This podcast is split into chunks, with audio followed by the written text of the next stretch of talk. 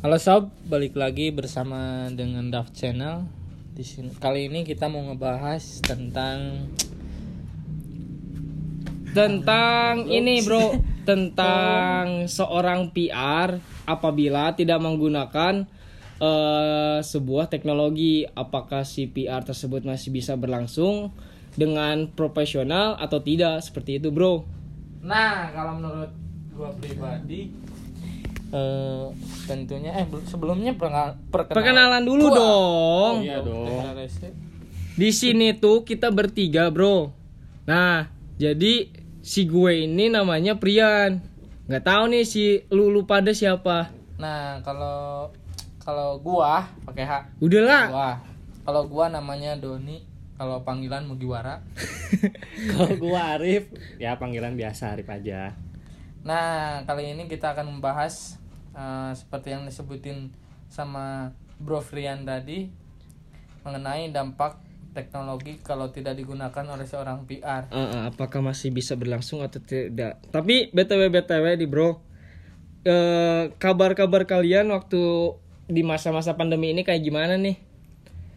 Kalau gue sih alhamdulillah baik-baik aja di saat pandemi seperti ini gitu kan. Eh, Kalau usaha kayak gitu alhamdulillah masih lancar-lancar aja ya naik turun lah. Nah, ibaratnya pasti ya. Gitu karena kan lagi saat pandemi kayak gini kan nggak tahu sendiri lah. Tiap orang kan pasti usahanya naik turun gitu. Kalau misalkan untuk Bro Doni gimana nih Bro? Ah. Ngomong-ngomong kan Bro Doni itu seorang entrepreneurship karena setelah setelah meng- telah membuka cabang usaha eh, warung dan don't stop. Nah, bagaimana situasinya apabila saat di pandemi kayak gini nih? Jadi kelah ngawancara aing nih. Enggak kan ini pengenalan, Oh, siap, siap, bro. Kalang aman. Dari segi usaha di masa pandemi ini mungkin semuanya pasti terdampak ya. Di mana ekonomi di Indonesia khususnya pasti mengalami penurunan, terutama di usaha yang gue miliki ini di bidang eh, toko sembako. Terdampak karena mahasiswa ini banyak yang libur. Jadi jarang mahasiswa yang biasanya belanja banyak sekarang mengalami penurunan tentunya. Belanja banyak kayak gimana, Bro? Kan warung nih ya. Belanja banyak tuh konteksnya seperti warung. apa gitu. Belanja banyak. Emang mahasiswa belanja apaan di warung? Biasa rokok batangan.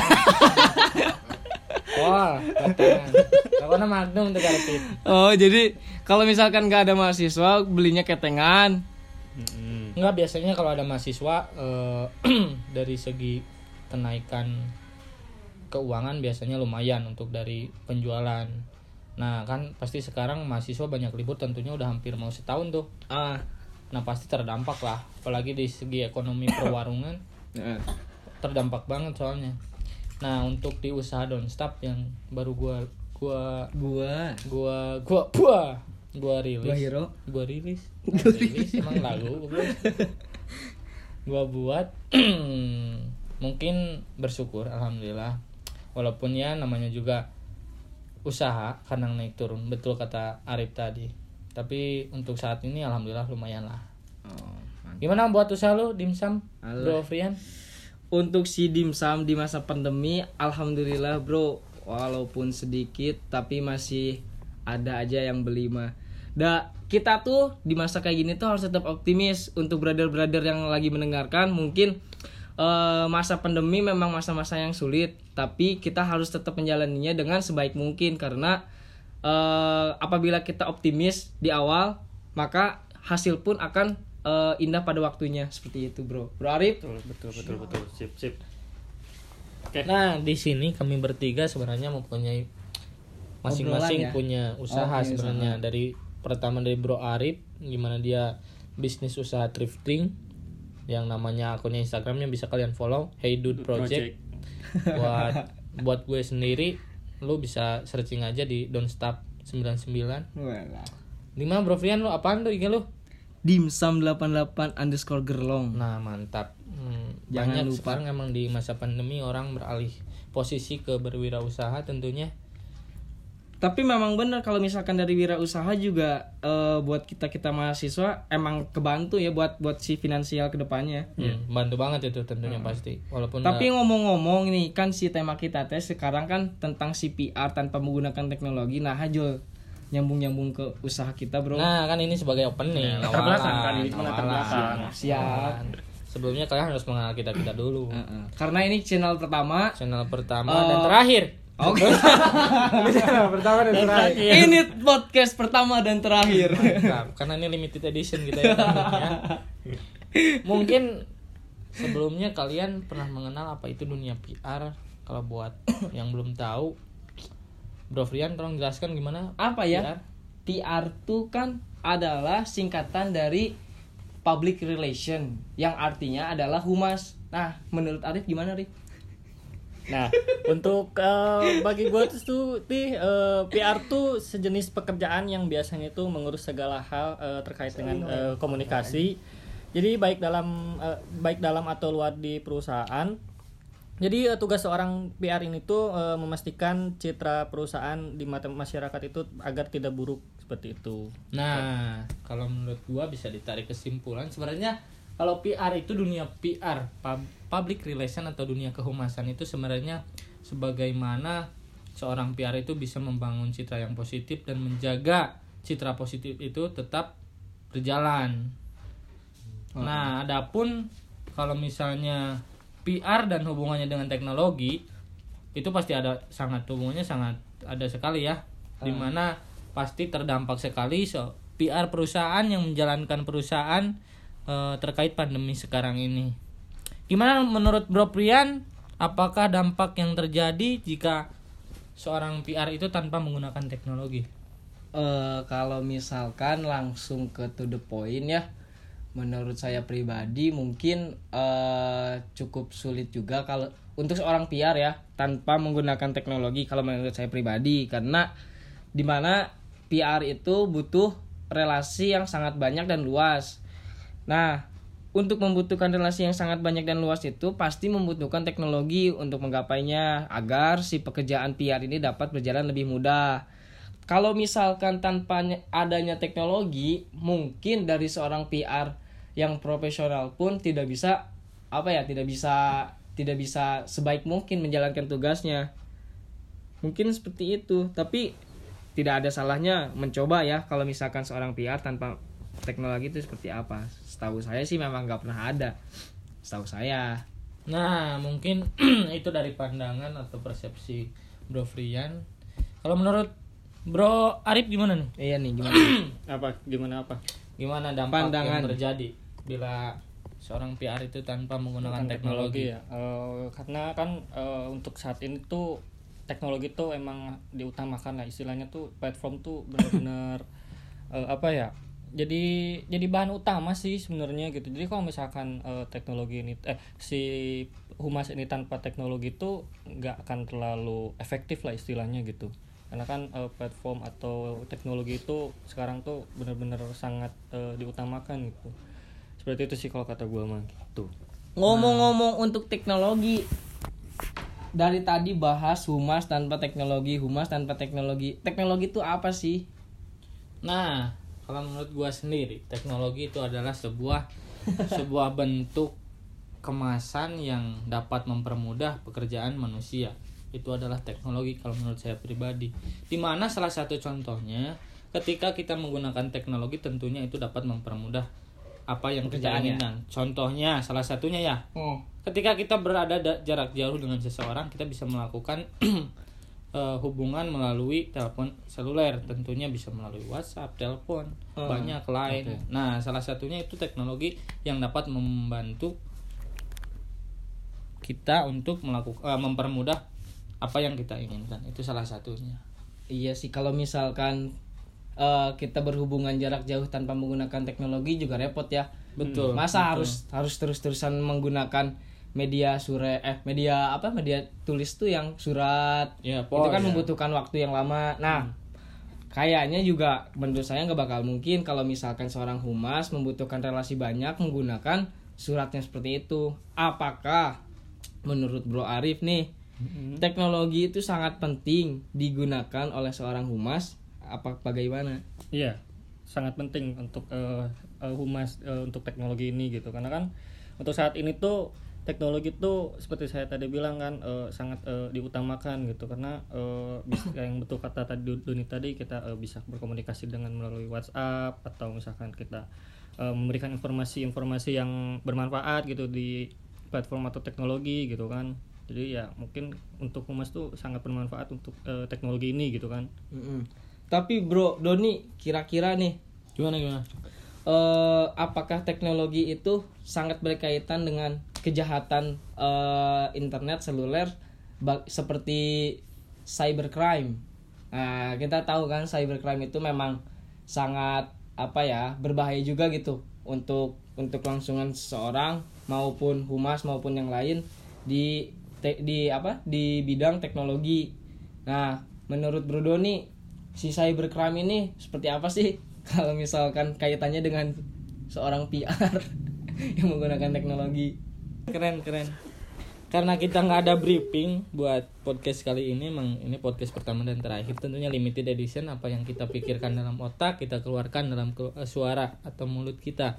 Salah satunya ini kesalahan yang fatal dari saudara. Ini sebenarnya bukan, ini sebenarnya bukan kesalahan, Bro Doni. Ini tuh hanya eh, pertanyaan-pertanyaan untuk mengetes sebagaimana eh se- sejauh, Sejauh mana, mana ilmu il- pengetahuan. ah, ilmu pengetahuan Boleh, dari masing-masing anggota. Nah, nggak apa-apa gue jawab aja ya. Jadi gini, cybercrime itu hubungannya dengan dunia humas atau PR itu pasti ada sangat sangat sekali berkaitan. Di mana kehumasan atau PR itu menggunakan media tentunya untuk eh, sebuah promosi atau baik untuk membangun dan mempertahankan sebuah citranya Ah, ah.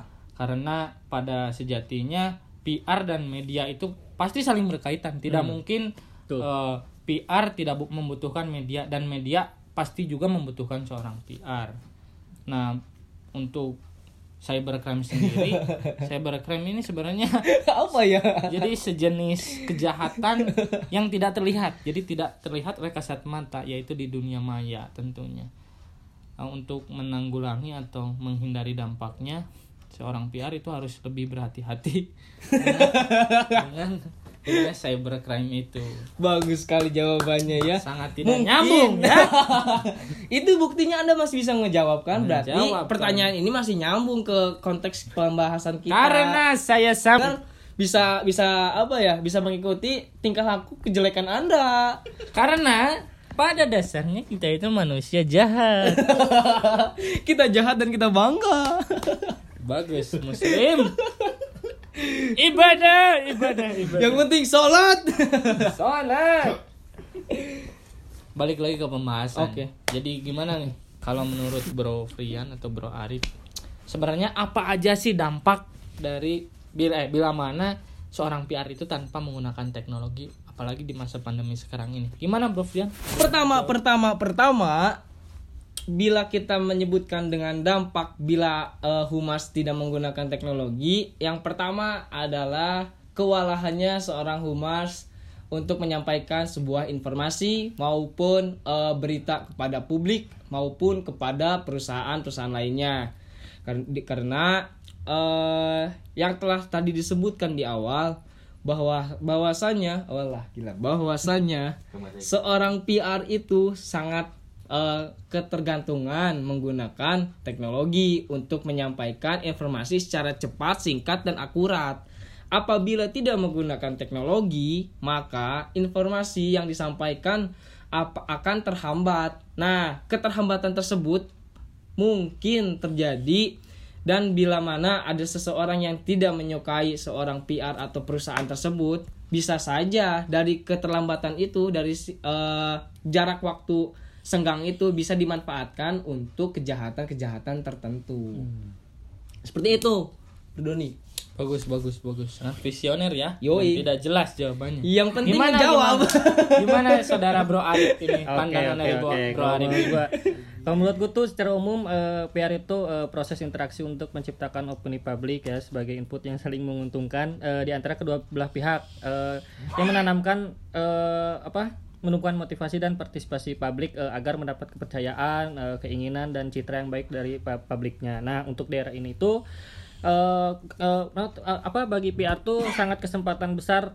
untuk melakukan bentuk eh, komunikasi yang terencana eh, baik keluar maupun eh, ke dalam eh, ke dalam sebijak mungkin. Nah, pada era digital ini pun eh, peran penting bagi PR itu membangun eh, membangun eh, sebuah citra perusahaan eh, dan memberi informasi sebaik mungkin kepada audiens online.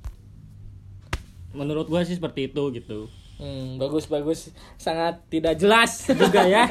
Ini jawaban jawaban kalian mengenai dampak. Ditanya dampak jawabannya sangat visioner. Nih jadi gini kalau menurut gua pribadi dampak salah satunya eh, bila mana seorang PR itu ti- tidak menggunakan teknologi. Apalagi di masa pandemi saat ini pasti sangat sulit sekali bagi PR untuk membuat sebuah solusi bagaimana caranya untuk tidak menggunakan teknologi dalam eh, penyebar luasan informasi.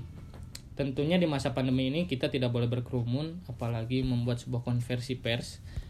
Nah, untuk membuat konversi pers sendiri itu juga harus menggunakan harus terdapat sebuah media. Nah, media ini sebuah eh, bagian dari teknologi. Kalau menurut saya pribadi ketika eh, seorang PR tidak menggunakan teknologi itu sangat minim kemungkinannya. Adapun bisa, mungkin itu hanya dari 1000 banding satu.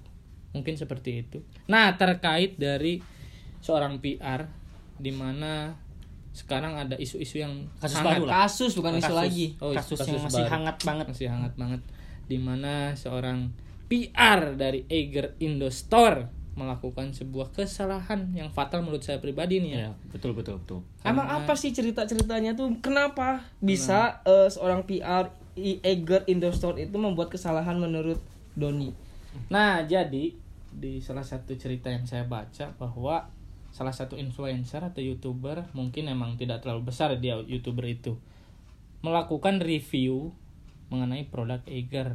Nah, di review itu isinya itu eh, mungkin dari keterbatasan kualitas, Kualitas gambar, gambar. dan eh, memang ada sedikit Noise. bukan miss dari eh, sisi negatifnya Oh, untuk produk oke. Eiger. Nah, akan tetapi jadi pihak dari eh, PR Eiger itu malah membuat melayangkan surat untuk- Tuntutan. bukan tuntutan, lebih Protes. ke protes kepada influencer tersebut sehingga influencer tersebut memberikan Pidana. sebuah bukan bukan memberikan sebuah Surat. Keterangan. eh, keterangan atau klarifikasi di Twitter sehingga ramailah sampai saat ini. Nah, gimana pandangan Bro Frian mengenai Nggak usah kasus itu? pandangan-pandangan itu memang sudah jelas kalau misalkan mungkin bisa saja dengan beredarnya video tersebut dapat menurunkan citra-citra dari perusahaan Eger tersebut, Bro. Tuh. Jadi tidak ada lagi pandangan-pandangan seperti itu. Oh, berarti itu mungkin kalau gimana menurut Arif sebelumnya ya? Yang Oke, eh, kalau menurut aku sih ya eh, mengenai Eger ini tuh sedikit fatal sih sebenarnya gitu. Karena kan ngapain juga gitu eh, seorang PR dari pihak Eger apalagi Eger bukan perusahaan yang kecil gitu kan eh, ngasih surat seperti itu gitu. Karena kan saya eh, melihat eh, vid- hasil video dari influencer tersebut itu eh, mungkin sedikit ya untuk kualitas gambar sih masih eh, baik-baik aja gitu kayak noise noise gitu berkurang dan semacamnya. Cuman eh, karena eh, yang jadi pertanyaan itu mengapa eh, seorang PR Eger ini tuh benar-benar terlalu over gitu memberikan sebuah surat yang seperti itu gitu. Kayak misalkan eh, minta di eh, video itu dihapus dan semacamnya gitu kan. Bagi saya sih sedikit fatal sih ya kalau seperti itu gitu. Memang betul itu sangat fatal sekali. Banyak yang eh, menyayangkan terkait eh, apa yang apa yang dilakukan PR dari Eiger ini sendiri. Mm-mm. Oke, baiklah. Lanjutkan. Jadi bahkan seorang ibu lala yang menjadi moderator di acara webinar kemarin, kalian masih ingat gak webinar Tidak dong. kemarin? Bagus. Webinar. Yang Ingat, bagus? Ingat, tidak bagus. ingat. Webinar Yang yang, ya? webinar yang dicetus oleh Ibu Yuni Mogot. Nah, itu itu menurut saya sangat bagus. Di mana Bu Lala ini mengatakan bahwa jadi so, PR seorang eh PR Eiger Indo ini harusnya mengikuti webinar kemarin. secara tidak langsung. Secara tidak langsung menurut saya itu sebuah ejekan dari seorang eh, in- bukan influencer ya Ibu Lala itu sem- se- Nur Laila mungkin ya? Nur Laila. Nur Laila Tapi panggilannya Ibu Lala. iya betul sih Ibu Lala. Anda jangan sampai nyalah nyebut ya. Iya. Nanti bisa dituntut Anda. Jadi mungkin itu PR The Eger sendiri itu oh kita tidak harus menghujat. Ini bukan hujatan ya. Iya. Ini bukan hujatan, hanya hinaan. kita menghina sedikit, ah, bukan menghina, sedikit banyak. Jadi itu salah satu ke, eh, fa- eh, kesalahan yang fatal dari eh, salah satu PR The Eger ini. Jadi sebenarnya ini waktu udah hampir habis. Pembahasan kita sudah bingung apalagi. Jadi kita mungkin seharusnya untuk membahas Tutup aja lah. jangan tutup. Kalau tutup karena ini limited edition, jadi kita harus lebih dipanjangkan sedikit. Closing, kita closing, membahas bagaimana seorang PR ini membuat Tidak sebuah penting. membuat sebuah kebijakan yang mengenai 1 2 3 close the door.